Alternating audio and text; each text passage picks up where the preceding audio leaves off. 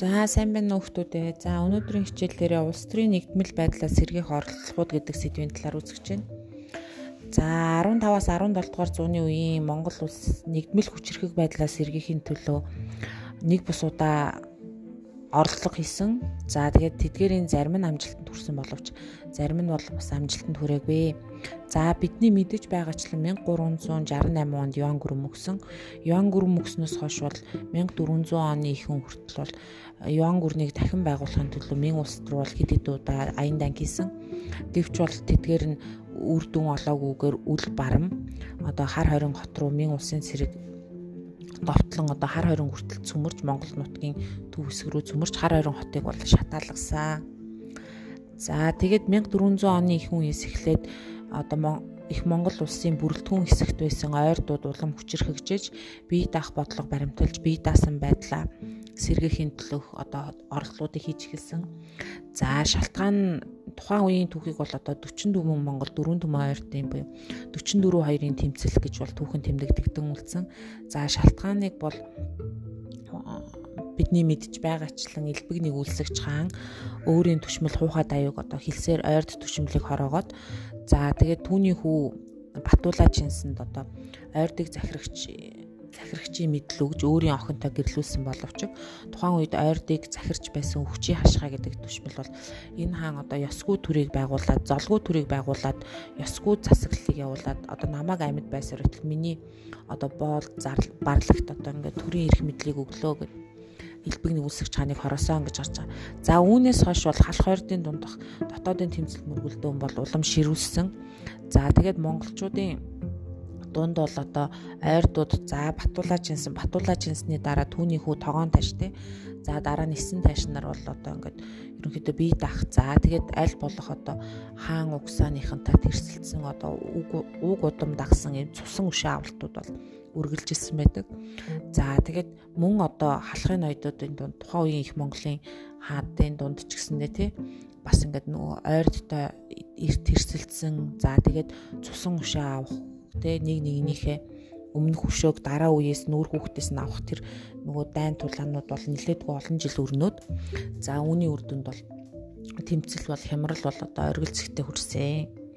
За тэгэд Тайсун хаан бол мянга одоо бидний бас өмнө нь үдсэнчлэн Тайсун хаан нь бол нөгөө нэг тогоон тайшийн дэмжлэгээр хаан ширээнд суусан.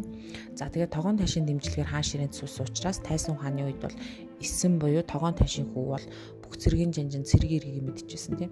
За тэгээ эсэн тайш тогоон тайш эсэн тайш тайсан хаан нарын үед бол нэг хэсэг одоо Монголын төр нэгдмэл байдлаа дахин сэргээгээд нөгөө дотоодын дайн самуун нь нэг хэсэг хугацаанд намжсан байсан боловч За намцсан байсан боловч Тайсун хааны дараа одоо хин хаан ширээн суух Тайсун хаантай бас одоо нөгөө өв залгамжлагч буюу дараагийн хааны талаар эсэн тайш нарын бодлого байр суурь зөрчилдснөөс болж одоо дараагийн тэмцэл мөргөлдөөнүүд бол эхэлсэн. За Тайсун хаан бол одоо мөн одоо дүү агуржин жонн нь бас хаан ширээ санаарч байсан. За тэгээ эсэн тайш бол одоо агуржин жонн бол улам түлхэж пүш хийнэ гэдэг шүү дээ. Түлхэж одоо хүч үзүүлж за агуржин жонн тайсан хаан нарын дундх бол одоо хаан ширээний тэмцлийг улам хурцтгсан. За тэгээд тайсан хаан нь бол одоо одоо 1451 онд эсэн тайшаас зүхтэж явахдаа одоо Уран хаан цавд ноёнд бол хороогдсон байдаг.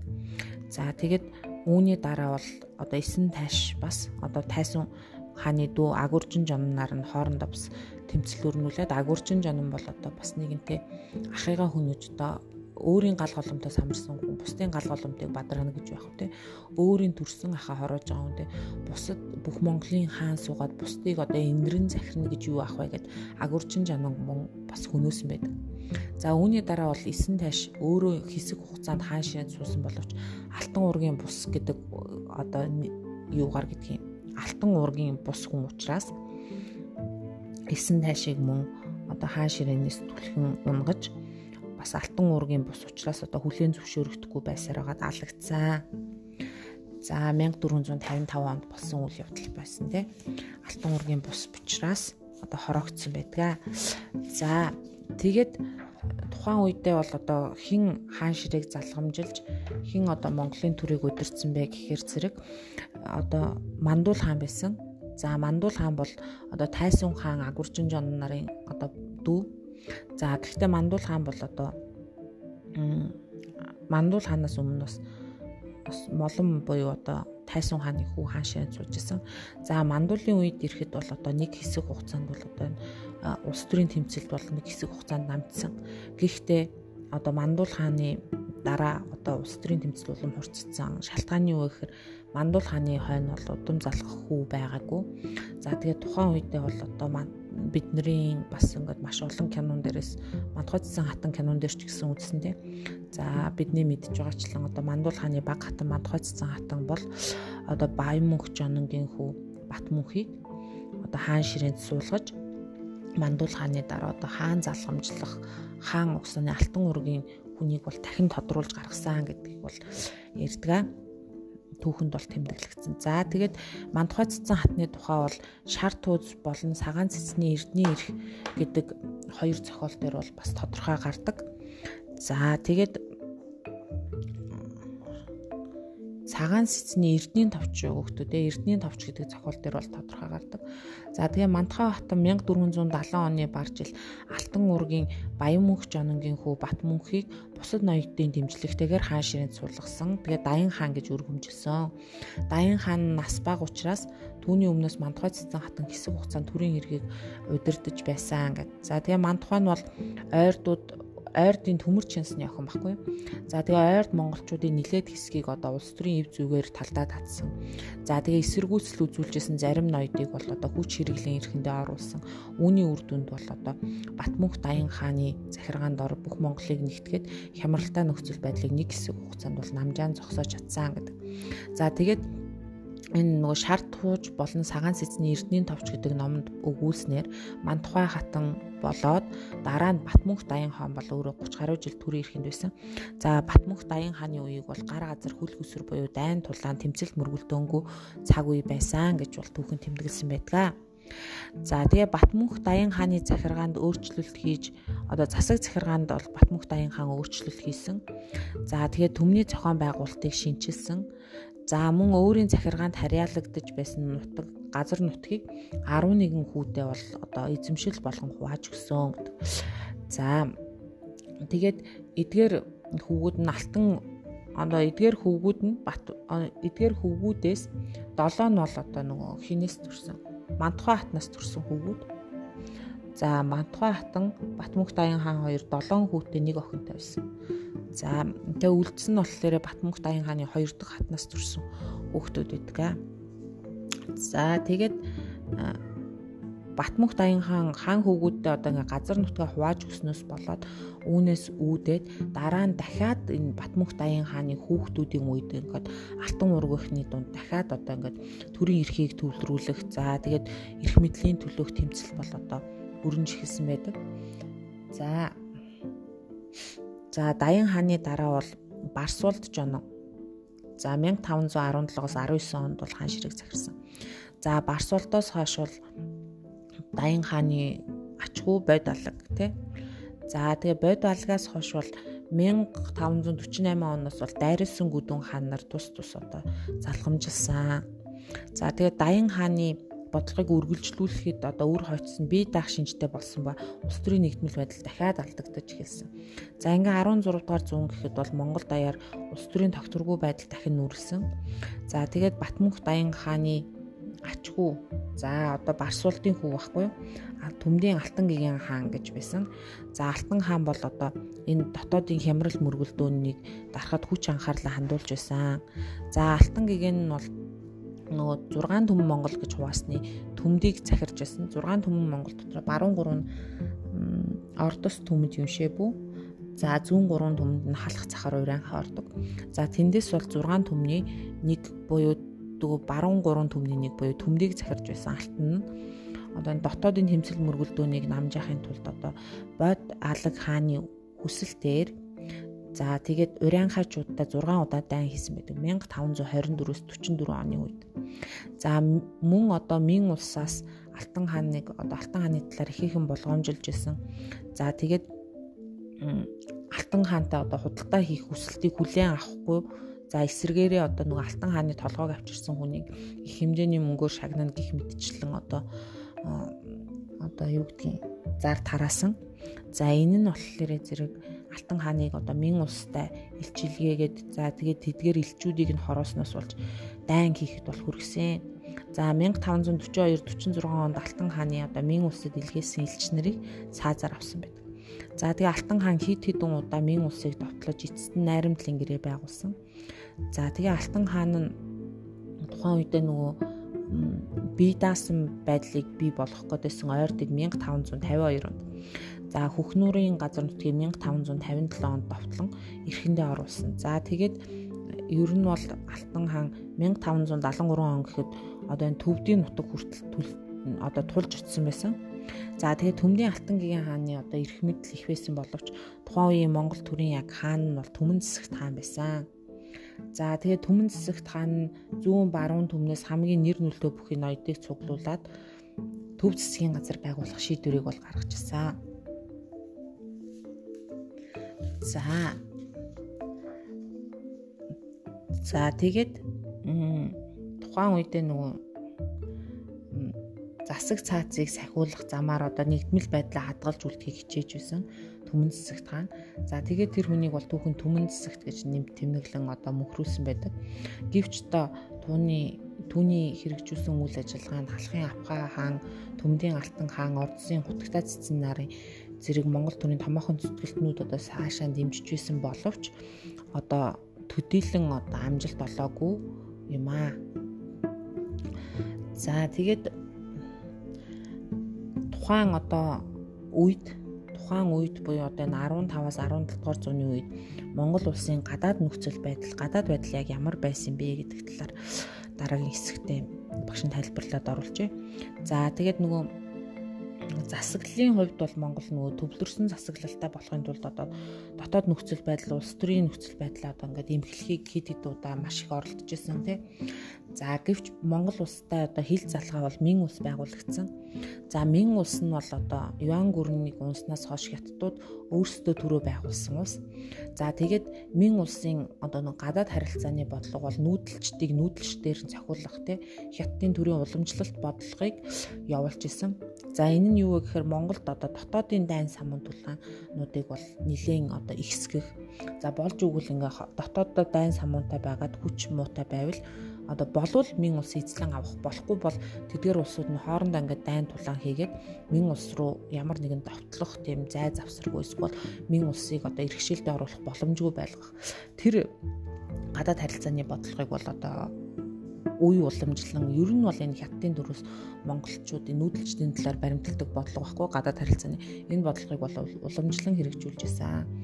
За тэгээд тухайн үедээ бол үе үе монголчууд бол одоо мин улс руу уулгалан давталж байсан боловч одоо яг өмнөх шигээ Йон гүрний байгуулсан шигээ мин улсыг за хятадуудыг бүхлээр нь эзлэн авч чадаагүй. За тэгээд гол нь одоо монголчуудын дайрах усан шалтгаанууд нь дандаа л нөгөө гадаад худалдааны бомб хотуудыг хаасан эсвэл Монголтой хийх худалдаа наймаага үргэлжлүүлэхгүй байгаа ч гэдэм үү те гэдэг нөхцөл байдлаас болж одоо ингээд дайн тулаан хийдэг. Тэгээд дайны дараа бол хэсэг зуурын хугацаанд худалдаа арилжааны зах нээдэг тэ тиймэрхүү нөхцөл байдлууд бол байсан. За тэгээд тухайн үедээ мин усаас бас нөгөө Монголд баримталж исэн бодлого нь юу вэ гэхээр адуун засгийн бодлого гэж байхгүй.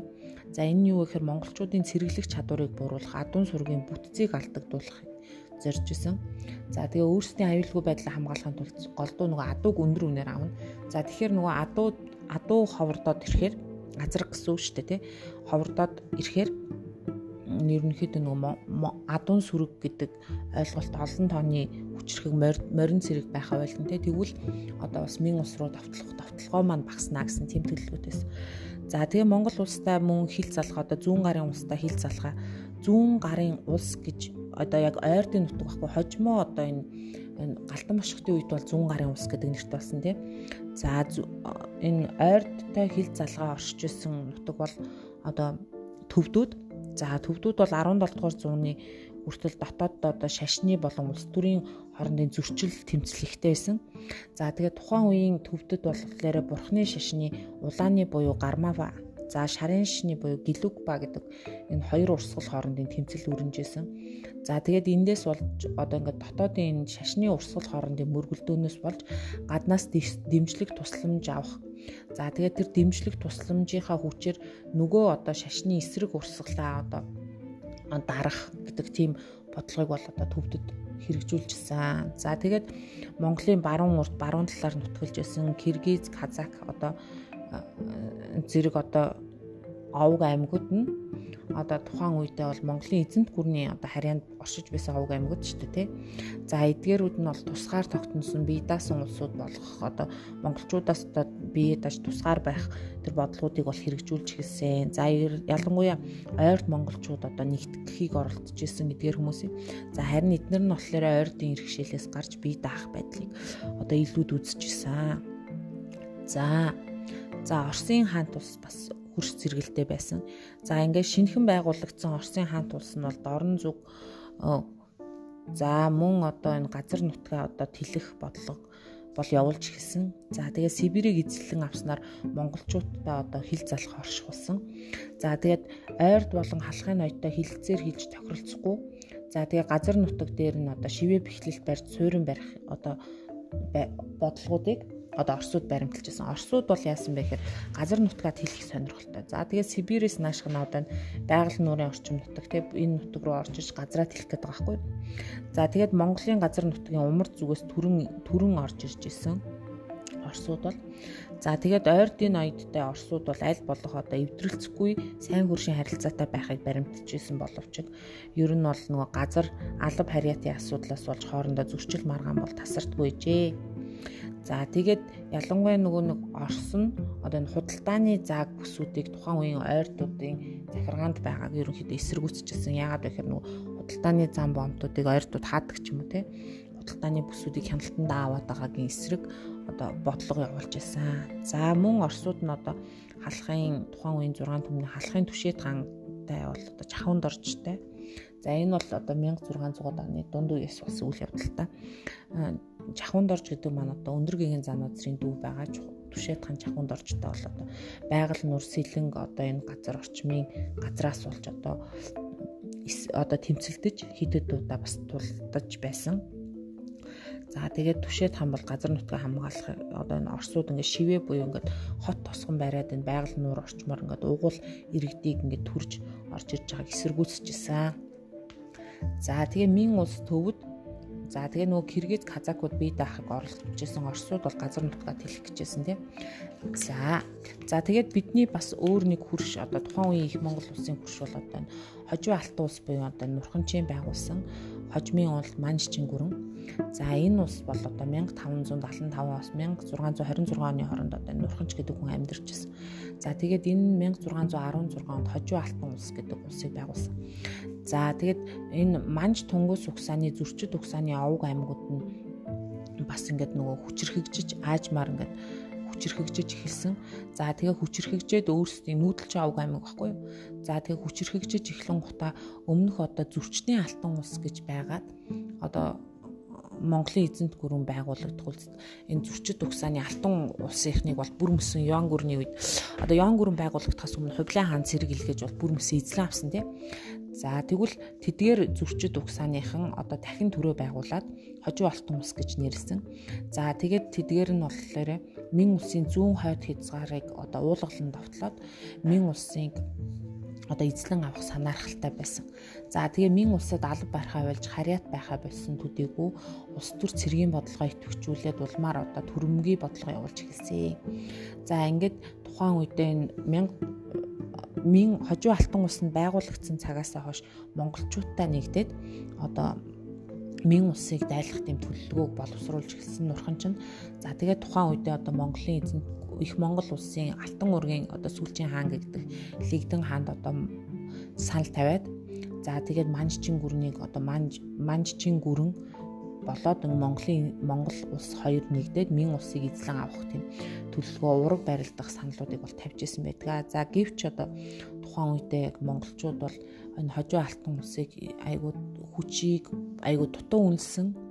За тэгээд дутуу үнэлснээр төдийгүй одоо энэ хожуу алтан улсыг бол одоо дахин хүчрхэгжин ч юм уу эсвэл одоо өөрсдийг нь эзлэн авах хэмжээний улс болно гэж үзээгүй харин харьяатаа бол ингээд дагаар орох саналуудыг тавьж ирсэн. Гэхдээ энэ нь бол мэдээж мэдээж хожуу алтан улсын гихэн бол хүлэн зөвшөөрөөгүй. За тэгээд Нурхан чааны хэлсэн үг байдаг байхгүй юу? Одоо энэ манжчин гүрний энэ хожуу алтан улс буюу манжийг манжчин улсыг байгуулсан. За Нурхан ч юу гэж хэлсэн бэ гэхээр монголчууд бол одоо энэ үүлтэй адилхан үйл ингээд их олноороо цуглуул одоо ингээд бороо орно тий аян цахилгаан захин харин үйл үйл ингээд тус тусдаа сарнаад ингээд салхинд сарнаад явж ивэл ямар нэгэн аян цахилгаан бороо орохгүй. Тийм учраас монголчуудыг аль болох ингээд тус тусд нь хоорондоо ив тэнжингүү юм тус тусдаа байлгах хэрэгтэй гэдэг бодлогыг баримталж ирсэн. За тэгээд тухайн үедээ Монгол улс бас гадаадтай нөхцөл байдлын хувьд хөрш зэрэгэлтэй улсуудаа хэдийгээр бие даан оршиж байгаа боловч нөө хөрш улсуудын нөө гадаад харилцааны бодлого буюу мэн улсаас баримталжсэн бодлогоос болоод Монгол улс дотроо хуваагдсан. За ойрдууд нилээдгүй бие даах бодлого баримталжсэн. За мөн одоо нөгөө нэг бат хин Батмөнх Даян хаанаас хойш Батмөнх Даян хааны хүүхдүүдтэй газар нутгаа хуваан өгснөөс болоод бас нилээдгүй олон хуваагдаж дотроо одоо ингээд хид хідэн хэсгүүд болж хуваагдан оршиж исэн. За тэгээд эдгээрийн үр дүн нь юу болсон бэ гэхээр үр дүнд нь одоо монголчууд нэгдмэл хүчрхэг байдлаа алдаад бие даасан хид хідэн улс болон хуваагдсан явдал юм аа. За тэгээд дараагийн хичээл дээр Монголын хаант улсууд буюу одоо яг тухайн үедээ тийм 1600-аад он 1500 оны сүүл 1600-аад оны ихээр Монголын бие даасан хідэн улс болж хуваагдсан юм бэ. За яагаад ингэж хуваагдсан бэ гэдэг талаар үзнэ.